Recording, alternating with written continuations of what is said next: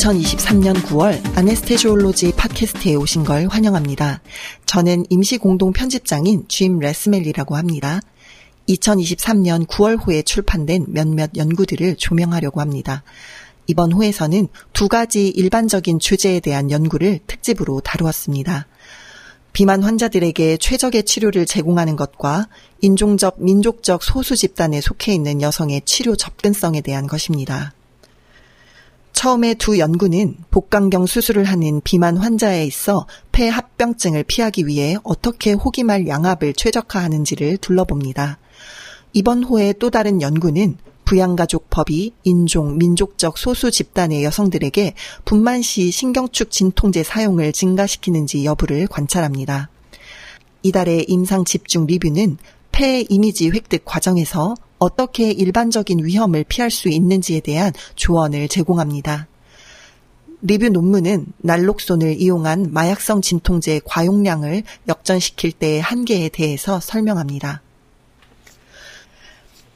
처음 두 가지 연구는 비만 환자에서의 복강경 수술 중 기계 환기라는 떠오르는 문제점에 집중합니다. 이들은 폐 합병증을 비롯하여 수술 전후의 위험성이 큰 환자들입니다. 전신 마취 및 복강경 수술은 호기말 경폐압을 감소시켜 호기말 폐 용적을 줄입니다.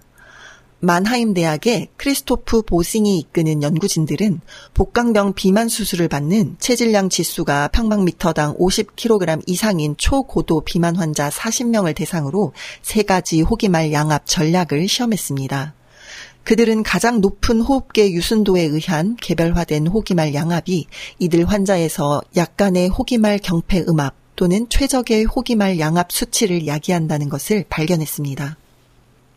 두 번째 연구에서 중국 상하이 푸단대학의 찌앙 리와 동료들은 동적 유순도를 이용한 호기말 양압이 비만 수술을 받는 환자의 수술 후 무기폐를 줄일 수 있다는 가설을 세웠습니다. 그들은 40명 환자를 동적 유순도에 지정된 수치의 호기말 양압에 무작위 배정했습니다.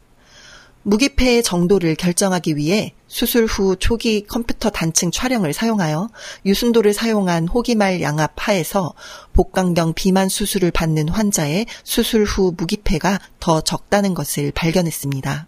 동반된 논평에서 헤르만 리치, 데이비드 페트로프 및 에나 페르난데스 부스타만테는 두 연구 간의 접근 방식은 다르지만 수술을 받는 비만 또는 초비만 환자의 무기폐를 줄이기 위한 최적의 호기말 양압 수준이 일반적으로 사용하는 것보다 높으며 종종 15정맥압보다 높다는 근거를 제공한다고 언급하였습니다.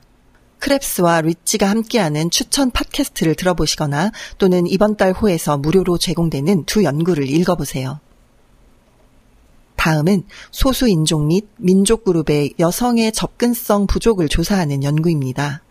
분만 신경축 진통은 미국 출산의 73%에서 사용되지만 소수자로 분류되는 여성에서는 사용이 훨씬 적습니다. 콜롬비아 대학의 진 굴리엘 미노티와 동료들은 환자 보호 및 부담 적정 보험법의 부양가족 조항의 시행이 분만 신경축 진통 사용의 증가와 관련이 있을 것이라는 가설을 세웠습니다. 그들은 전국 출산의 66%를 차지하는 28개 주에서 수술을 하지 않은 자연분만에 대한 출생 증명서를 검토했습니다. 부양가족법 조항의 시행은 21에서 25세 여성의 분만 시 신경축 진통이 1% 증가한 것과 관련이 있습니다. 그러나 이는 통계적으로 유의하지 않았습니다. 첨부된 논평에서 로렌 글랜스, 다릴 스미스 및 카렌 마독스는 이 연구가 예후의 인종적 불균형이라는 미국 의료 시스템의 공공의료 위기를 보여준다고 하였습니다.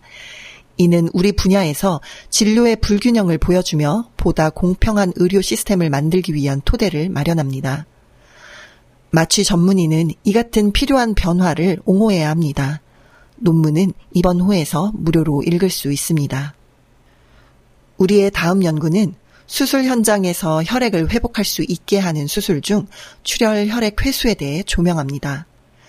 자가 수혈은 출혈 위험이 높은 환자의 수술 전후 동종 수혈 감소와 관련하여 가성비 있는 기술입니다.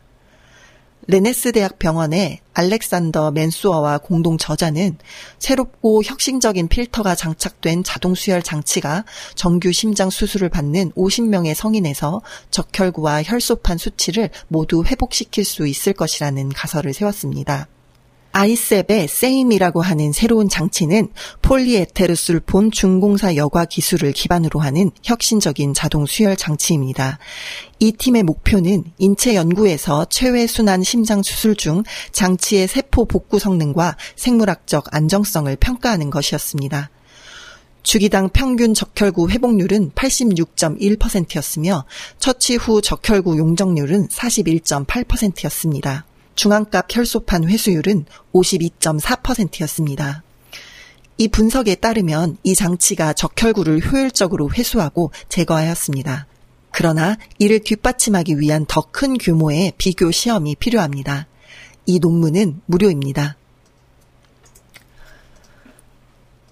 수술 후 만성 통증은 심장 수술 후 흔히 발생하며 기분장애, 기능장애 및 회복 질저하와 관련이 있습니다. 이 연구에서 토론토 대학의 마기 찌아오가 이끄는 연구진들은 심장 수술 3, 6, 12개월 후에 만성 통증과 관련된 수술 전후 요인을 찾아내려고 했습니다. 그들은 심장 수술을 받는 1000명 이상의 환자 코호트에서 인구 통계학적, 생리학적 수술 전후 요인을 수집했습니다. 그들은 심장 수술을 받는 환자 3명 중 거의 1명이 3개월 무렵 통증을 보고했고 약 15%가 1년 시점에서 지속적인 통증을 보고한다는 것을 발견했습니다. 이 연구는 여성 기저 만성 통증 및 우울증이 지속적인 통증을 예측할 수 있다는 이전 연구를 확인했습니다. 또한 지속적인 통증이 심장 수술에 일반적이고 문제가 되는 합병증임을 보여줍니다. 저자는 심장 수술을 받을 때 이러한 위험성이 있는 환자를 최적화하는 방법을 결정하기 위한 무작위 대조 시험을 권장합니다. 이 논문은 무료로 읽을 수 있습니다. 수술 중 저혈압은 수술 후 장기 손상과 관련이 있습니다. 동맥 카테터를 사용한 지속적인 침습성 동맥압 모니터링은 간헐적 비침습적 동맥 혈압 측정에 비해 저혈압을 줄이는 데 도움이 됩니다. 대부분의 비심장 수술 환자에서 동맥압은 지속적이 아니라 간헐적으로 모니터링 됩니다. 햄버그 에펜도르프 대학 의학센터의 카민 쿠스와 동료 연구자들은 지속적인 손가락 cuff 동맥압 모니터링이 저혈압을 줄이는 데 도움이 되는지 알아보기 위해 단일 센터 무작위 시험을 실시했습니다. 그들은 지속적인 손가락 cuff 동맥압 또는 간헐적 동맥압 모니터링에 242명의 비심장 수술 환자를 무작위로 배정하였습니다. 그들은 지속적인 손가락 커프 동맥압 모니터링이 마취 유도 시작 후 15분 이내에 저혈압을 줄이는데 도움이 된다는 것을 발견했습니다. 관찰된 저혈압의 감소가 관류 관련 합병증의 감소로 이어지는지 여부를 결정하기 위해서는 더 큰 규모의 시험이 필요합니다.